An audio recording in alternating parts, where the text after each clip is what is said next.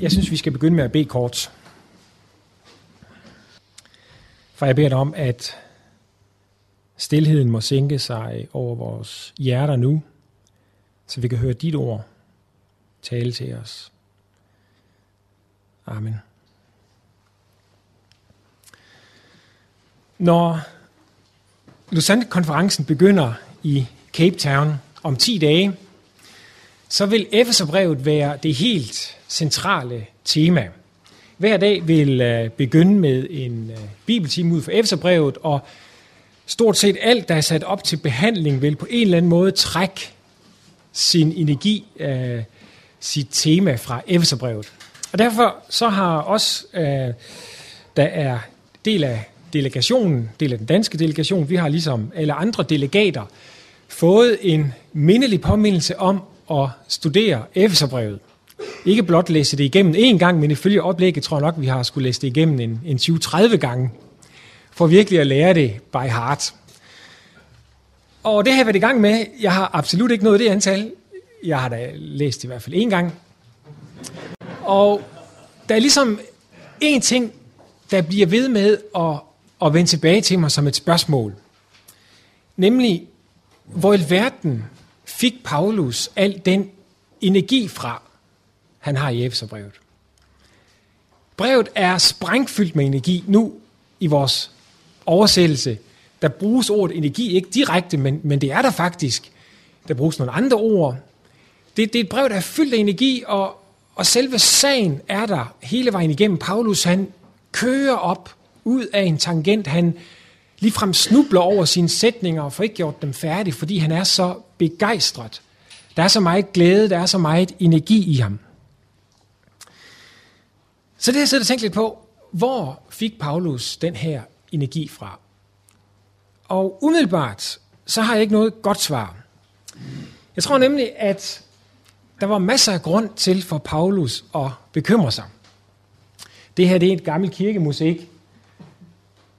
Jeg har stjålet den fra Google, jeg kan ikke engang sige, hvor den kommer fra. Men, øh, men det er en kirkemusik hvor vi ser Paulus øh, med Middelhavet i baggrunden, og vi er i Postens Gerninger, kapitel 16, hvor han er på, øh, på vej over til Europa. Og hvis vi zoomer ind på ansigtet af Paulus, så synes jeg i grunden, at vi ser en bekymret mand. Og jeg tænker, når jeg tænker på Paulus' liv, og prøver at, at zoome ind på, hvordan det må have været at være Paulus, at der må have været masser af grund til bekymring. Kan evangeliet klare sig i den verden, Paulus levede i. Havde øh, manglet den verden noget? Havde Paulus noget at tilbyde den verden?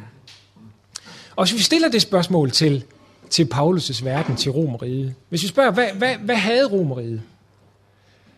Så må det umiddelbare svar være, at øh, det havde alt. Den romerske verden var en komplet verden. Der var, der var religioner i massevis. Nogle af dem var, var ganske sanselige og, og med masser af nydelse. Jeg skal ikke gå i detaljer, men i hvert fald meget mere end Paulus kunne, uh, kunne tilbyde.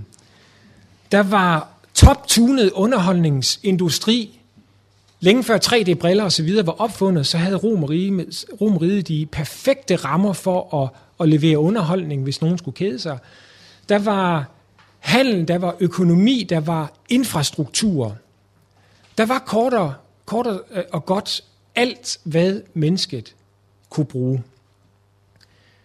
Så hvis vi prøver en gang at lade være med at læse historien bagfra, og lige prøve at, at sætte os i Paulus' sted. Hvordan har det været for Paulus at sidde for tasken af Romeriet?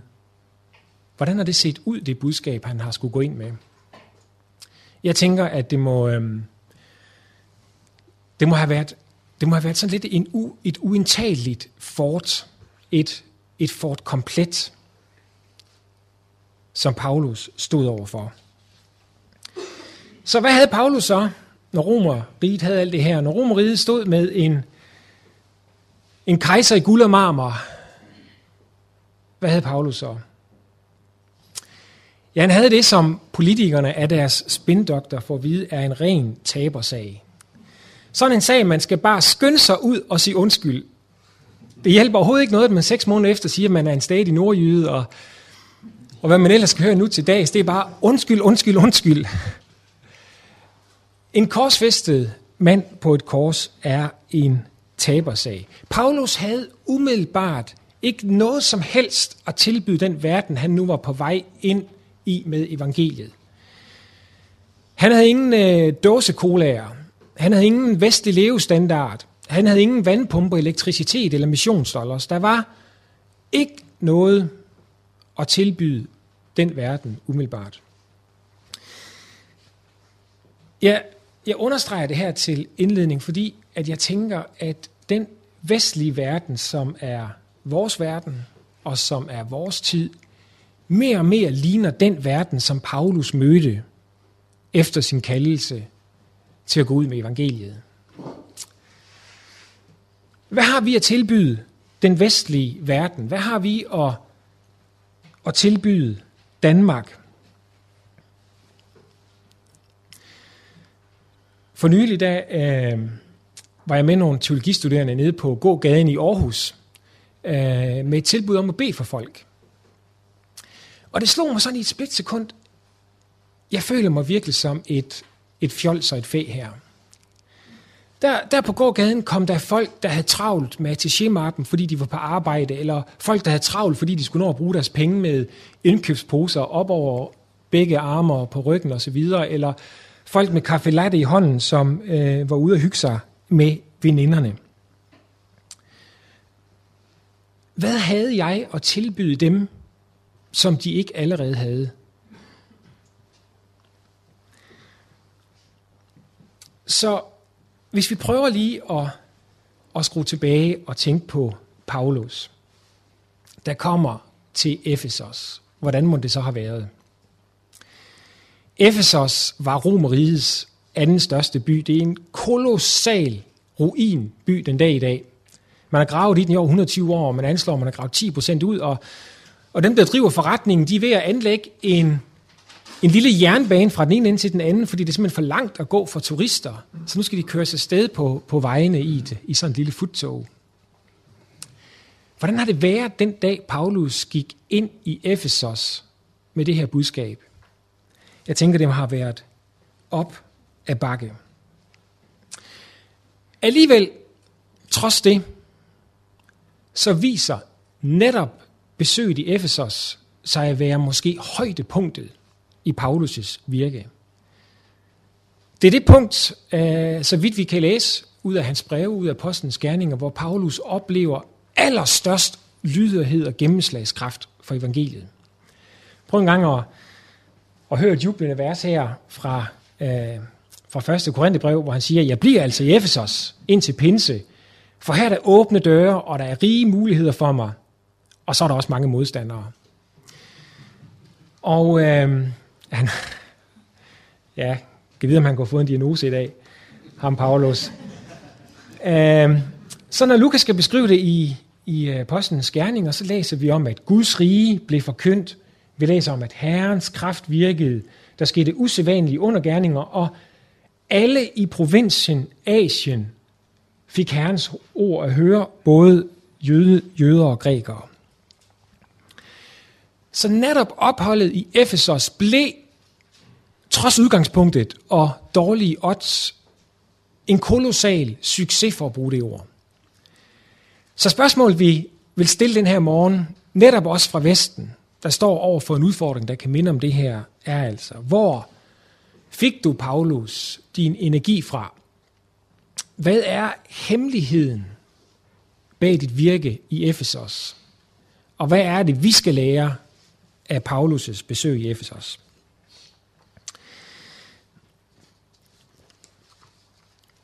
Jeg er overbevist om, at der findes et svar på de her spørgsmål. Og det ene svar har to sider, og det er egentlig alt det, jeg gerne vil, vil dele med jer den her morgen. Et svar, to sider. Den første side nærmest springer grafisk i øjnene på en, når man læser Efeserbrevet. Det her det er kapitel 1. Og bare alene her i kapitel 1 bliver det helt tydeligt, at Paulus han har en one-liner, som han sørger for at sige så mange gange, at selvom han skulle blive udsat for ekstrabladets journalistik, så er det fuldstændig umuligt at klippe den one-liner ud. Den kan man ikke misse, når man læser Efeserbrevet. Jeg opgav til, selv med bibelsoftware det hele, men det er i omegnen af 75 gange, han i en eller anden form gentager den her one-liner. Og det er i Kristus. Der er en ting, som Paulus i den grad kører op over og vil øh, gøre tydeligt for sine læsere, nemlig evangeliet om at være i Kristus. Lad os bare lige tage et par hurtige eksempler fra kapitel 1. Allerede i vers 1. Øh, til de hellige, som bor i Efesos, de troende i Kristus Jesus. Og vers 3. Lovet være Gud, vor Herre Jesu Kristi Far, som i Kristus har velsignet os med al himlens åndelige velsignelse. Og vers 7. I ham har vi forløsning ved hans blod, tilgivelse for vores syndere. Og vers 10, hvor han taler om den frelsesplan for tidernes fylde, at sammenfatte alt i Kristus. Og skal vi tage en mere? Vers 13. I ham, altså i Kristus, blev også I, da I hørte sandhedens ord i evangeliet om jeres frelse. I ham blev også I, da I kom til tro, besejlet med forjættelsens hellige ånd. Så Paulus er fuldstændig manisk optaget af at fortælle læserne i Efesos og de andre menigheder, der modtog brevet, at de er i Kristus. Og det her lille ord, i, som på græsk hedder en, rummer en art lokale betydning. Der findes forskellige måder at beskrive noget på. Man kan være på vej ind i et rum, man kan være adskilt fra et rum, man kan være oven på et rum, man kan være ved siden af et rum, men så kan man også være i et rum. Og det her lille forholdsord i betyder, at man er i noget. Det er en, en kasse, det er en, det er en boks, som man fuldstændig puttes ned i. Det er den komplette løsning, hvor der ikke er noget, der stikker ud, og hvor man ikke bliver fanget med foden i busdøren, som det sker i Aarhus en gang imellem, hængende bagud, men man er i det, der tales om, fuldstændig og aldeles omsluttet. Og det er det, Kristus er for Paulus. Stillet over for Romeriets for et komplet forkynder Paulus en Kristus komplet. Der er ikke nogen delløsning, der er ikke nogen halv løsning, men der er i Kristus en fuldstændig løsning. Alt er nu i et nyt lys. Og Paulus kan simpelthen ikke få det sagt nok gange, hvis nogen skulle falde ud under hans prædiken så misser de i hvert fald ikke det. Den samme pointe møder vi lidt i opbygningen af brevet. Nu er det sådan, jeg underviser i græsk det her semester, og jeg tænker, at hvis jeg havde været Paulus' græsklærer, så skulle man have fundet det store spanskrør frem til tider. Fordi han, øh, hans græsk, det tager næsten skade af hans begejstring. Nogle af de allerlængste sætninger, vi har i Nye Testamentet, han overgår sig selv et sted i, i Kolossenserbrevet, men ellers, så her i Efeserbrevet, så har vi hans allerlængste sætninger. Paulus bliver simpelthen en tysker. De her lange tyske sætninger, for at få forkyndt evangeliet. Han bliver ved med sådan, og han siger det, han vil sige om evangeliet, og så lægger han den ene sløjfe på efter den anden til sætningen, som bliver så lang, at man nærmest ikke, altså, at, at, at, at pegepinden ikke er nok. Vi snakker spanskrøret for at og få ham afstraffet. For eksempel kapitel 1 alene, vers 3-14 er en lang sætning, 202 ord. Og lige efter, der følger der 15-23 som en anden lang sætning på 170 ord. Paulus han bliver, han bliver nærmest stakkernet af at forkynde evangeliet. Han kan slet ikke forholde det igen, når man, når man trykker på den knap, hvad har Kristus betydet, så kører han løs. En anden måde, man kan se det på, er, at hans sætninger til tider bryder fuldstændig sammen. Det er endda markeret i vores danske oversættelse med sådan en lille, tæt, øh, lille tankestreg. Altså selve grammatikken hænger ganske enkelt ikke sammen, fordi han begynder et sted, men så kommer han lige i tanke om evangeliet. Og så kører han på med det, inden han så vender tilbage til det, han begyndte på øh, end 40-50 vers tidligere. For eksempel her i kapitel 3, hvor han nu endelig er kommet til at fortælle om hans egen situation – det gør han i mange af hans andre breve meget tidligere, men, men her i Efeserbrevet venter vi helt ned til kapitel 3, hvor han siger, jeg, Paulus, er Kristi Jesu fange for jer, hedningernes skyld. Og så frem for at gå videre og fortælle om hans situation, så bliver han igen begejstret om, om evangeliet og begynder så at fortælle om, om det værv, han har fået, om Kristus hemmeligheden osv.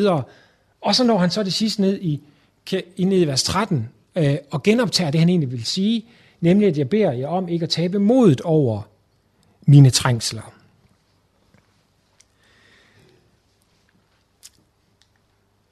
Så hvis vi tænker på gaden her i Efesos, og tænker på den første gang Paulus gik der ind i den næststørste by i Romeriet, som havde alt, hvad der var at ønske sig. Hvad var så nøglen til, at Paulus kunne gå der ind så fyldt af glæde og så jublende, som han er? Ja, så er det første, den første side af det ene svar, at han i Kristus er gjort fuldstændig fri. Den korsfæstede Kristus har fuldstændig befriet ham. Da Paulus gik ind i Efesos, så var han, så var han færdig med sig selv. Han gik ikke ind i hans eget projekt for at vinde et eller andet. Kristus var den komplette løsning for ham. Den udfordring, han stod overfor, målte han ikke ud fra sit eget udgangspunkt. Han stod der i Kristus komplet. Og det sendte en boblende frihedsglæde dybt ind i mav og ben på ham.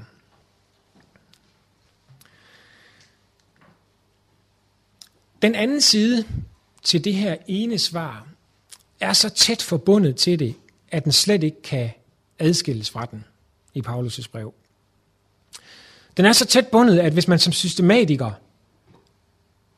eller endnu værre dogmatiker, forsøger at sætte Paulus på formel, så må man til tider rive sig selv i håret. Hvad er det, manden vil sige? Fuldstændig samvævet taler han i et, i en del af sætningen om, hvad Kristus har gjort. Om den komplette boks, vi er fuldstændig omsluttet af og helt i. Og så går han videre til at tale om, hvad Kristus gør nu. Og det vil jeg prøve at vise øh, med, med, med to eksempler. Nemlig det, at evangeliet for Paulus ikke er en fortidighed, det er ikke bare en tanke, det er ikke bare en omvendelse i hovedet, men det er et liv, som fører til en forandring nu. Den første måde, vi kan se det på, er, hvor omfattende det evangelium, Paulus forkynder er. Det har sit centrum og sit udgangspunkt i forsoningen med Gud, som vi for eksempel læste om lige før. I ham har vi forløsning ved hans blod. Det er centrum af evangeliet. Men det er ikke helheden. Det er ikke alt, hvad der er at sige til evangeliet. Paulus går straks videre og bruger endda meget tid på at vise, hvordan at det evangelium fører til forsoning mellem mennesker, og endda den største tænkelige konflikt, der overhovedet kan tænkes, nemlig den mellem det gamle paksfolk og så alle hedningerne. Hele kapitel 2 handler om den konflikt, at os, altså os hedninger, der før var langt væk uden for pagterne, borgerret og alt, hvad der var velsignelse i den gamle pagt, vi er nu kommet nær, og nu er der stiftet fred mellem de to parter. Der er også stiftet fred med Gud, men der er også stiftet fred mellem de to parter. Og den sidste og største ring han ligger på, er, at hele verden, hele kosmos, står nu i et nyt lys på grund af Kristus. Et af de steder, vi ser det, er i, igen i kapitel 1, øh, vers 20 til, til 22, hvor han, for, øh, hvor han fortæller om Kristus, som Gud satte ved sin højre hånd i himlen, højt over al myndighed og magt og kraft og herskermagt og hvert navn, som nævnes kan, ikke blot i denne tidsalder, men også i den kommende. Alt har han lagt under hans fødder, og han har givet ham som hoved til kirken. Det Paulus siger der, er virkelig alvorlige ord ind i en romers tid. Alle æresnavne, al myndighed, al magt, alt hvad romerne kunne opbyde. Og det var altså virkelig meget. De gik virkelig op i for eksempel det med ærestitler. Caesar Augustus, Divio Filius, Pontifex Maximus og så videre. hed de romerske kejser. De fik lagt det ene æresnavn på efter det andet. Alt, hvad denne verden har af magt og myndighed, står nu i et nyt lys på grund af Kristus. Så det evangelium, Paulus forkynder, er altså et omfattende evangelium. Det er et robust evangelium. Det er et evangelium, som vil mere end omvende tanken. Det er et evangelium, som rækker ud mellem mennesker og endda sætter hele verden i et nyt lys. Det pegede John Stott på allerede, da han skrev Lausanne-pakten i 1974, hvor der er en sætning, der siger, hele evangeliet til hele verden. Og det blev så temaet for den anden store kongres i 89, om at hele kirken skal tage hele evangeliet til hele verden.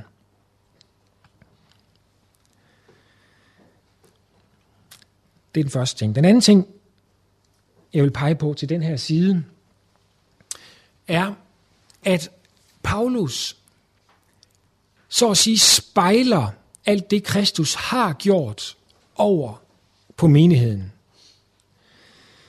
Og nu bliver det altså virkelig, øh, nu bliver det heavy fuel af det, vi skal se på her. Hvis man virkelig tager alvorligt, hvad det er, Paulus siger her, så er det hårdrejsende sager. Et af de steder, hvor Paulus altså laver sådan et spejl af, hvad Gud gør i Kristus over på menigheden, finder vi igen i kapitel 1 i vers 18-20.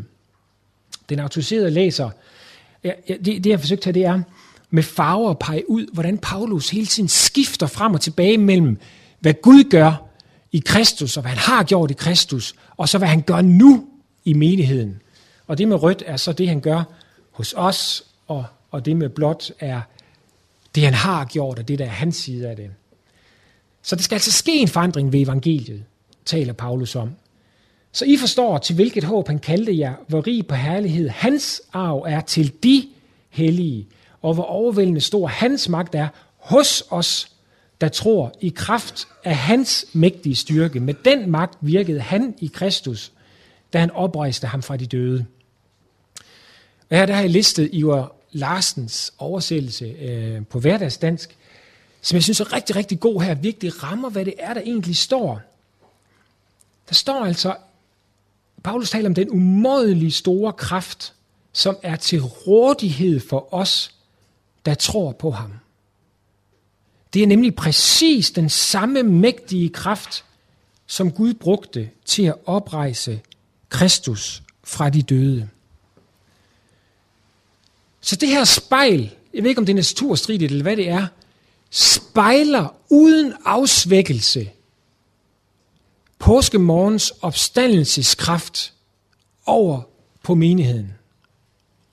Det er den samme mægtige kraft, som virker i menigheden. Så mens Paulus taler sig stakåndet over friheden i evangeliet, så lover han så at sige et maskingevær med kraftprojektiler, som han skyder ud i menigheden. Kraft overvældende, mægtig styrke, magt og hvad det ellers er oversat med. Så den anden side til det ene svar er, at Kristus som korsfæstet betyder kraft for menigheden. Korset har ganske enkelt de her to sider. Det sætter fri, og det formidler Guds kraft. Det har friheden som centrum, og det har kraften som helhed. Præcis som, som i en orkan, hvor alt er stille i centrum, hvor vi står ved korset og, og kun kan respondere med taksigelse, med tilbedelse. Det er den eneste mulige reaktion, der er over for korset. Stilheden i orkanens øje, hvorom alting sættes i bevægelse. Alt, hvad der kan nævnes overhovedet, bliver sat i bevægelse omkring det centrum.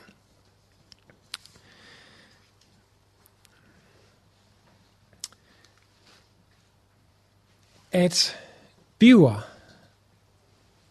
Nygaard og de andre ledere i Lausanne har bestemt sig for, at vi skal læse Efeserbrevet hver dag om 10 dage på den her konference, synes jeg er fantastisk heldigt for os i Vesten.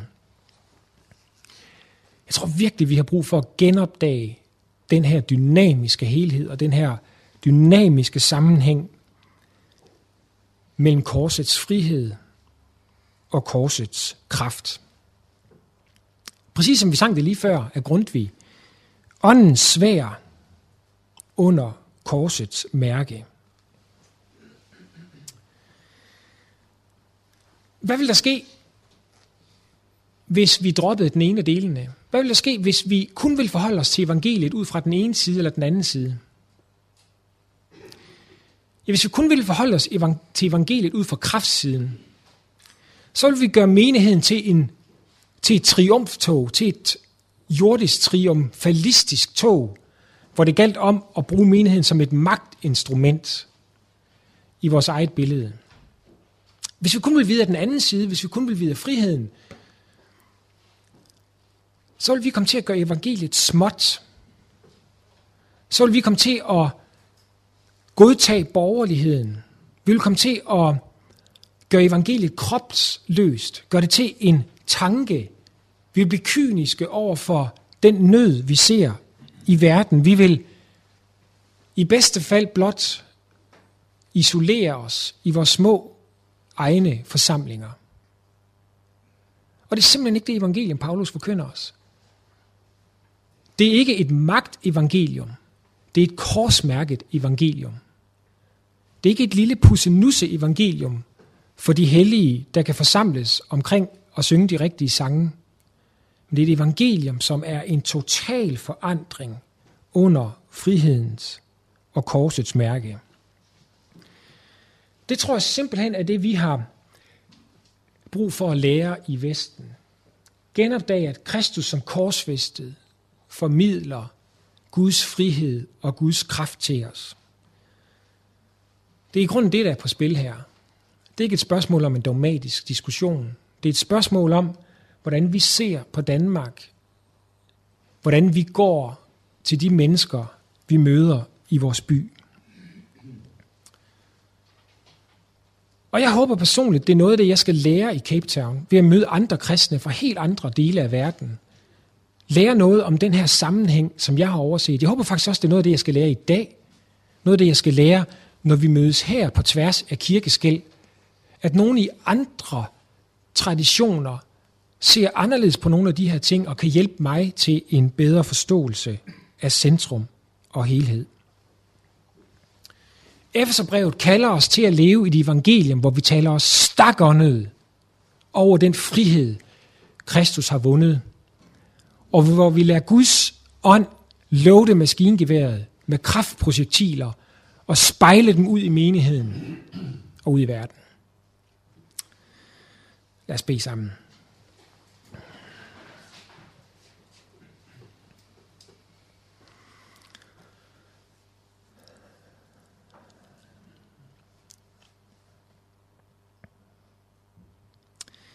Jesus, tak, at vi i dig er fuldstændig omsluttet. At vi er stillet over for den tid og den verden, der er vores, kan være fuldstændig fri og trygge. At vi kan gå ned ad gaden i vores by, løfte vores øjne og vores ansigt, fordi du har vundet. Der er ikke noget, vi skal vinde her, som du ikke har vundet. Så beder dig om, at du vil bearbejde vores frygt. Beder dig om, at vi ikke må være bange for dit evangelium, når det vil forandre, når det vil rense og beskære, så vi kan bære ny frugt. Jeg beder dig om, at den her konference må være en tjener for det evangelium, der sætter fri og forandrer under korsets mærke på vej mod den opstandelse, hvor vi skal se det fuldstændigt i et klart lys. Amen.